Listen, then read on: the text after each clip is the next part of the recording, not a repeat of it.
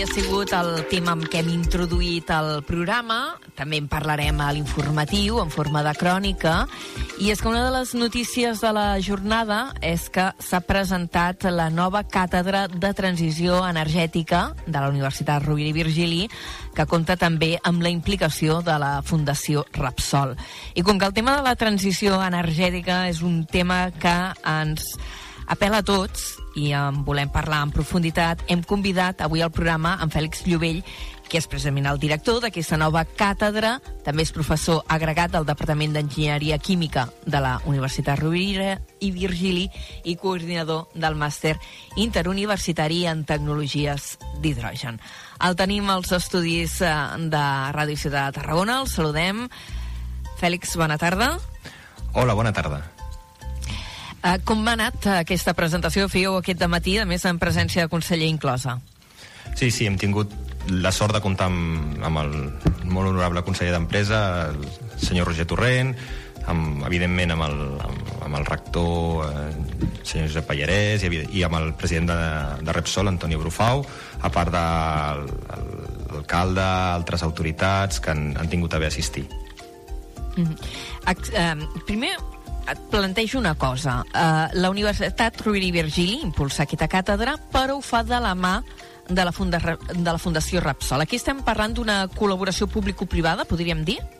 Sí, exactament. O sigui, l'objectiu de, de les càtedres, en aquest cas, és el de promoure la difusió en una temàtica. Uh, llavors, aquestes càtedres eh, habitualment eh, són col·laboracions público-privades, tot i que n'hi ha de diferents tipus, existeixen altres càtedres, com les càtedres UNESCO, per exemple, però en aquest cas doncs, és una càtedra en la qual la, la Fundació Repsol eh, vol que, fer, que hi hagi difusió i que es doni a conèixer a la societat un tema important com és el de la descarbonització. I en aquest sentit, eh, el que es fa és eh, cedir a, a aquest pol de coneixement eh, a, als centres de coneixement com són les universitats. Eh, Existeixen diverses càtedres de transició energètica eh, finançades per, per la Fundació Repsol i eh, diguem-ne que en aquest cas eh, la que, està, la que ens mm, avui s'ha presentat està centrada en captura i aprofitament de diòxid de carboni i eh, doncs, la Rovira i Virgili doncs, serà l'entitat que eh, treballarem per eh, formar i informar la societat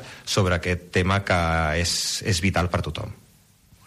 Com s'articularà aquesta, aquesta càtedra? Ara parlaves d'aquesta voluntat de divulgar també, eh, però hi haurà beques, projectes de recerca, intercanvis d'informació entre la universitat i Repsol. Com, com funcionarà? Sí, aquí, aquí hi ha un punt molt important a destacar i és que um, evidentment eh, agraïm molt l'interès de, de, de la Fundació Repsol però la nostra missió és una missió de eh, divulgar divulgació científica sobre una temàtica, no divulgació científica sobre eh, els projectes que pugui tenir una empresa com Repsol, sinó donar a conèixer què és la descarbonització i quina importància té la descarbonització. I això, evidentment, en contacte amb experts que té el propi centre de Repsol, però amb total independència, eh, he tingut la, la sort de, de ser escollit per dirigir aquesta càtedra, però no estic sol, evidentment. Aquesta càtedra té diferents línies d'actuació, però que s'emmarquen dintre del que, del que anomenem la, la, la descarbonització. No? És bàsicament perquè la gent ho entengui mm, la, la, la reducció d'emissions de diòxid de carboni, que són les causants principals de l'efecte hivernacle i, per tant, de l'escalfament global. No? I dintre d'aquesta àrea, eh, evidentment que hi haurà projectes eh, i, i diguem-ne, la implicació dels alumnes, però in, voldria insistir en aquest cas que nosaltres des de la universitat ja fem una feina de recerca amb diferents projectes, siguin finançats per, a nivell de, de Catalunya, de l'estat espanyol o de la Unió Europea, eh, tenim, evidentment, contractes amb empreses eh, i fem recerca bàsica i fonamental. Després també fem transferència de matèria, juntament amb altres institucions del, del, al costat de la, de la URB, com poden ser l'ICIC o Eurecat, i en aquest cas la càtedra sobretot està orientada, com he dit abans, a fomentar coneixement a la societat. I això és important remarcar-ho. Implicarem alumnes eh, de la pròpia Universitat Rovira i Virgili, volem participar en activitats divulgatives, com poden ser participar en la Setmana de la Ciència o en altres activitats, explicar-li a la gent què és la descarbonització i sobretot que la gent entengui la importància que té i sigui conscient de les diferents tecnologies que s'estan desenvolupant, perquè és tot un món, tothom més o menys sap que hem de reduir les emissions, però creiem que és, és important que, que aquest coneixement doncs, arribi, arribi a tothom d'una manera clara i entenedora. Eh, parlaves d'aquesta voluntat de divulgar a través de la càtedra. Un primer pas és el que estem fent ara, en una entrevista. Ja comencem a, també a estendre la taca eh, de la descarbonització i de les tecnologies que estan en estudi. I enllaçant amb això que, que deia, recollo també unes paraules del conseller eh, Roger Torrent, que venia a parlar d'una mena de canvi de paradigma de la indústria. La indústria realment està en un procés de transformació tan bèstia com, com ens estan venent des de l'administració?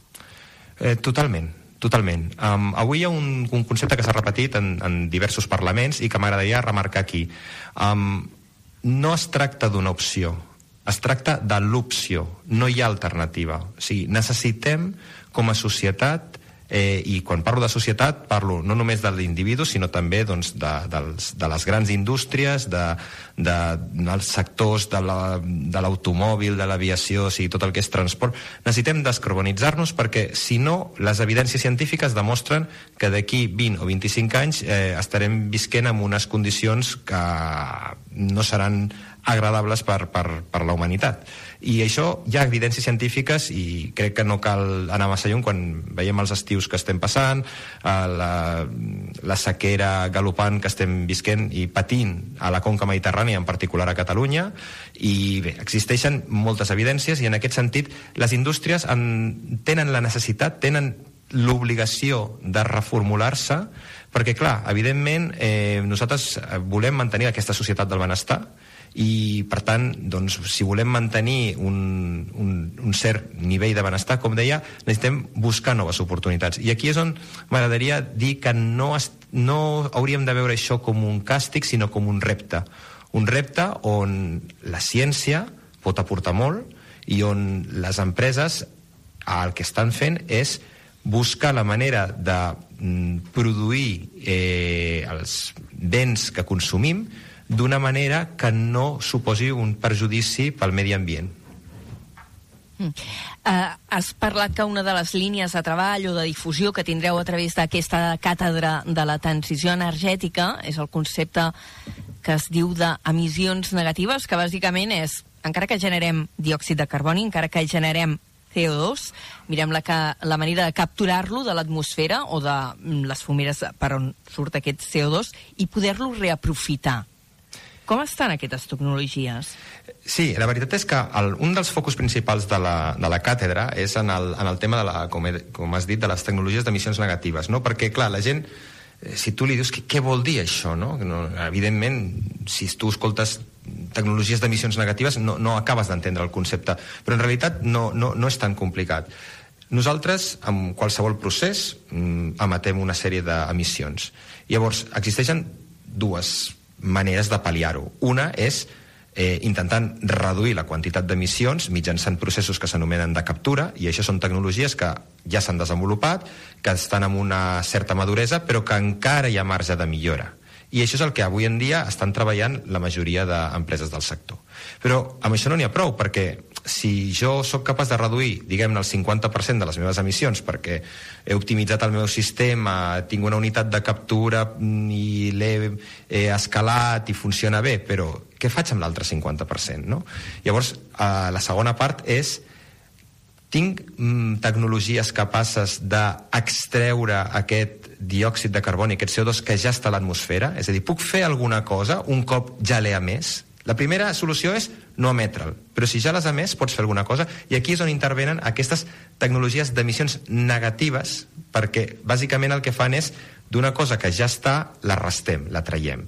Llavors, aquestes, aquestes tecnologies són molt més eh, eh, difícils perquè el, el CO2, encara que diguem que n'hi ha molt, en real, realment n'hi ha poc. La, la majoria de quan, la, quan, en concentració el que respirem principalment és, és, és oxigen i nitrogen i la quantitat de... perquè et facis una idea, estem parlant de 420 parts per milió. O sigui, de cada milió de, de partícules a l'aire, només 420 serien de CO2. Però és que haurien d'estar en 300. I segurament et, em pots preguntar, hi ha tanta diferència de 300 a 420? La resposta és que sí. La resposta és que mai hem arribat a aquests nivells i, i anem augmentant cada any un parell Llavors, mm, de, de ppm, un parell, 3, de, 3 ppm. I això és una tendència que s'ha de trencar. són parts per milió, eh? Aclarim sí, sí. terminologia, parts per milió. Parts per milió, parts per milió. Insisteixo, pot semblar poc, però a vegades el, els nombres poden ser... poden amagar la realitat. Eh, en els últims 30 anys el nivell del mar a nivell mundial ha pujat 10 centímetres. Eh, la temperatura mitjana s'ha incrementat un grau la gent dirà, oh, un grau, tampoc és tant, no? Però és que la implicació que té a nivell de canvis terrestres eh, ho estem veient. Estem veient com són els estius darrerament, estem veient com tenim problemes de sequera i com de cop i volta vindrà una pluja torrencial on cauran 500 litres per metre quadrat i llavors algú dirà home, veus com sí que plou? No, però és que no plou com hauria de ploure, és que ens estem anant a uns climes extrems i això és precisament el que hem d'evitar. I anant a la teva pregunta inicial, sí, existeixen tecnologies. Sí, la... sí, en quin punt de desenvolupament estan aquestes tecnologies? Perquè sé que fa temps que se'n parla, però en quin punt de desenvolupament ho tenim? Estem parlant de prototips, estem parlant ja de pròximes implantacions, en quina fase està? A veure, dintre del, del que són eh, tecnologies d'emissions negatives n'hi ha, ha diverses i la més treballada és el que dèiem, la, la captura directa de l'aire, no? que seria gairebé com agafar un, un caçapapallones no? I, i intentar capturar les, les molècules del CO2. A veure, en realitat el que hi ha són uns, uns ventiladors que succionen l'aire i aquests passen a través... L'aire passa a través d'una membrana que, que diguem-ne, que captura o atrapa aquestes molècules i, i així, doncs, diguem-ne, és com si, com si ho passessis per un colador, perquè m'entenguis, no? Um, el que passa és que, esclar, ara mateix això està implementat... O sigui, existeix? Sí. És eficient? Molt poc. Mm. És a dir, mm, hi ha empreses que ho estan comercialitzant, hi ha empreses que estan comercialitzant. De fet, existeixen algunes empreses molt importants a Suïssa, a Islàndia, crec també, que estan, vull dir, que són pioneres i que han desenvolupat equips de captura directa d'aire. La pròpia Repsol, avui he comentat, que també tenia un, un, un projecte en això i nosaltres també dintre de la URB hem treballat a nivell més fonamental. És a dir, es pot, vull dir, tu pots anar i dir jo amb aquesta empresa vull comprar aquesta, aquesta unitat, però perquè et facis una idea, capturar el CO2 d'aquesta manera pot ser um, 10, 15 o 20 vegades més car que, que capturar-lo quan el tens en un corrent industrial concentrat. Llavors el problema és que necessitem millorar per ser més competitius. I l'altra part d'aquestes tecnologies és poder reaprofitar també aquest gas, aquest eh, CO2, poder-lo utilitzar de nou en processos industrials. Exacte, perquè clar, la segona pregunta que em fa la gent és molt bé, i què fas amb ell? Què se'n fa? Te'l menges? Què fa, sí. I aquí, aquí realment existeixen, eh, i per això l'importància no, d'informar la societat i d'explicar-li, no? La, la, la, perquè al final tot és, tot és química en aquest sentit. Eh, tenim dues opcions. Una és emmagatzemar-lo, eh, que existeix la possibilitat d'emmagatzemar-lo en, en aquífers salins o en, o en o en pous que existeixen a sota terra i la gent té molta por d'això perquè hem tingut episodis eh, eh, la gent diu, ai, ara potser tremolarà el terra si això, si això marxa a veure, eh, evidentment això no es pot fer de qualsevol manera ho has, has de buscar un lloc adequat on les roques, eh, degut eh, diguem-ne que en contacte amb el CO2, formen un procés que s'anomena mineralització i aquell CO2 ja deixa de ser CO2 i ja es converteix en una altra cosa i queda eh, atrapat.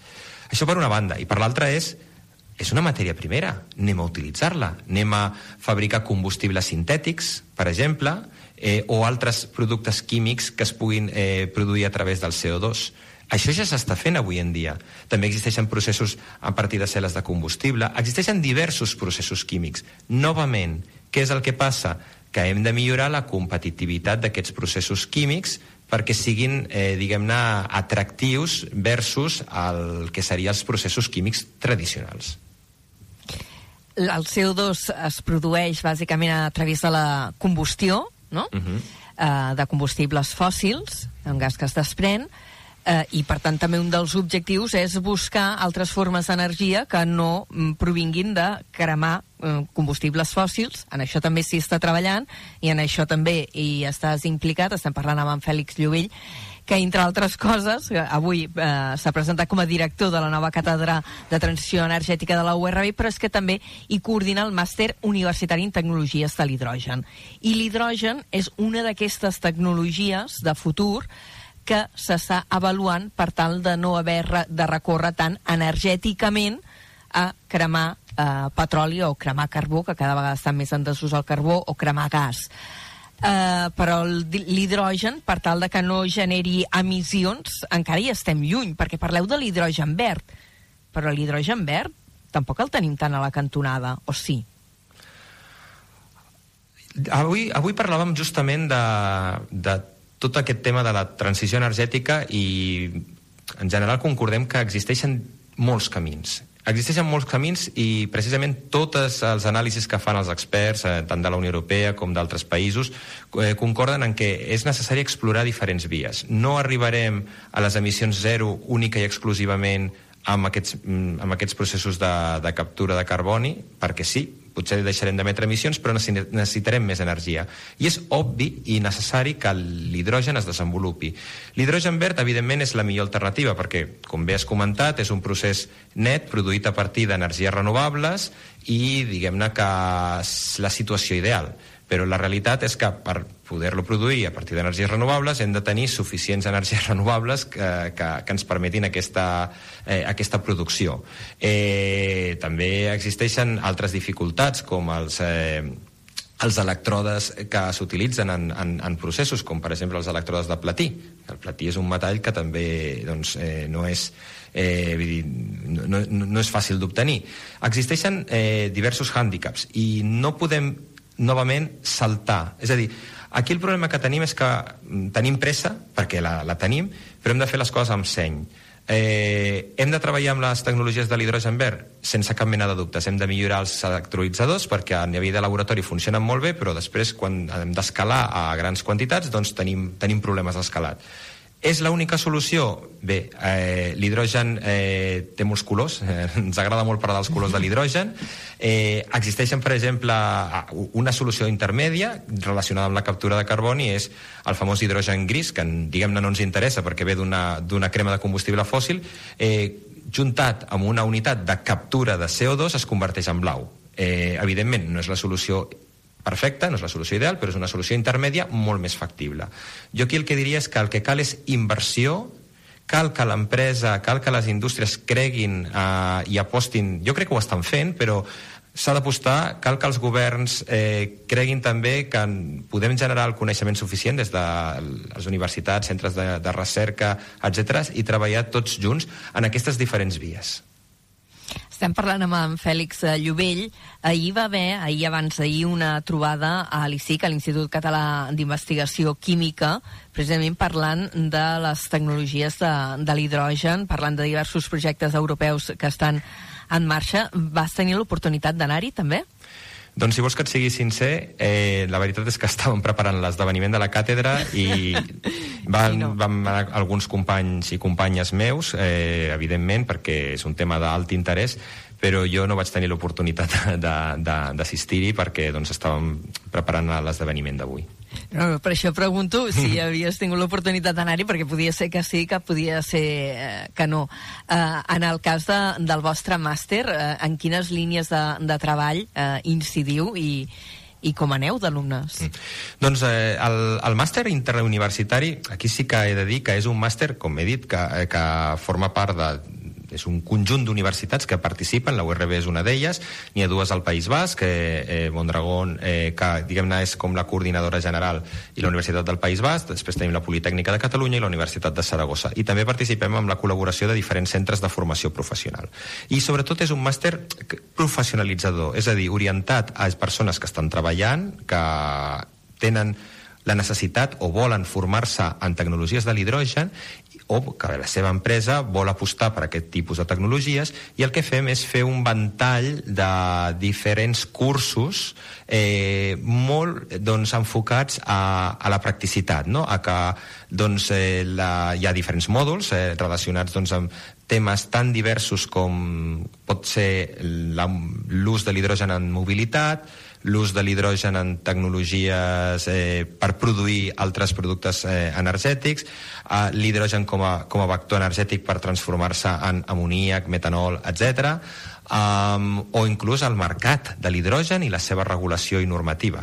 És a dir, uh, no estem parlant només de l'hidrogen verd, que també en parlem i molt, i hi ha uns cursos dedicats a, a, a, a com produir aquest hidrogen verd, hi ha unes pràctiques dedicades a això, però sí que el que volem és donar una formació global, una formació global que permeti a aquelles persones interessades en treballar en aquesta àrea a formar-se i que un cop hagin acabat el màster puguin eh, desenvolupar el seu projecte bé dintre de l'empresa on treballen o on considerin, on considerin convenient i animaria a tothom, eh, perquè estem a punt de començar la tercera edició i encara queden algunes places disponibles a la, a la URB. És un màster online eh, que, que es pot combinar amb, amb els horaris laborals i sí que totes aquelles persones interessades en aquestes tecnologies que jo crec que són, són el futur, eh, els animaria que, a que hi participessin i s'apuntessin. Eh, tenim l'hidrogen d'una banda, l'altra l'electrificació. Són, són camins eh, que es complementen? Sí, sí, sí, sí. O sigui, a veure, insisteixo molt en que hem de diversificar. No podem posar tots els ous en un, en un mateix cistell. Val? Necessitem eh, buscar... Crec que hem de...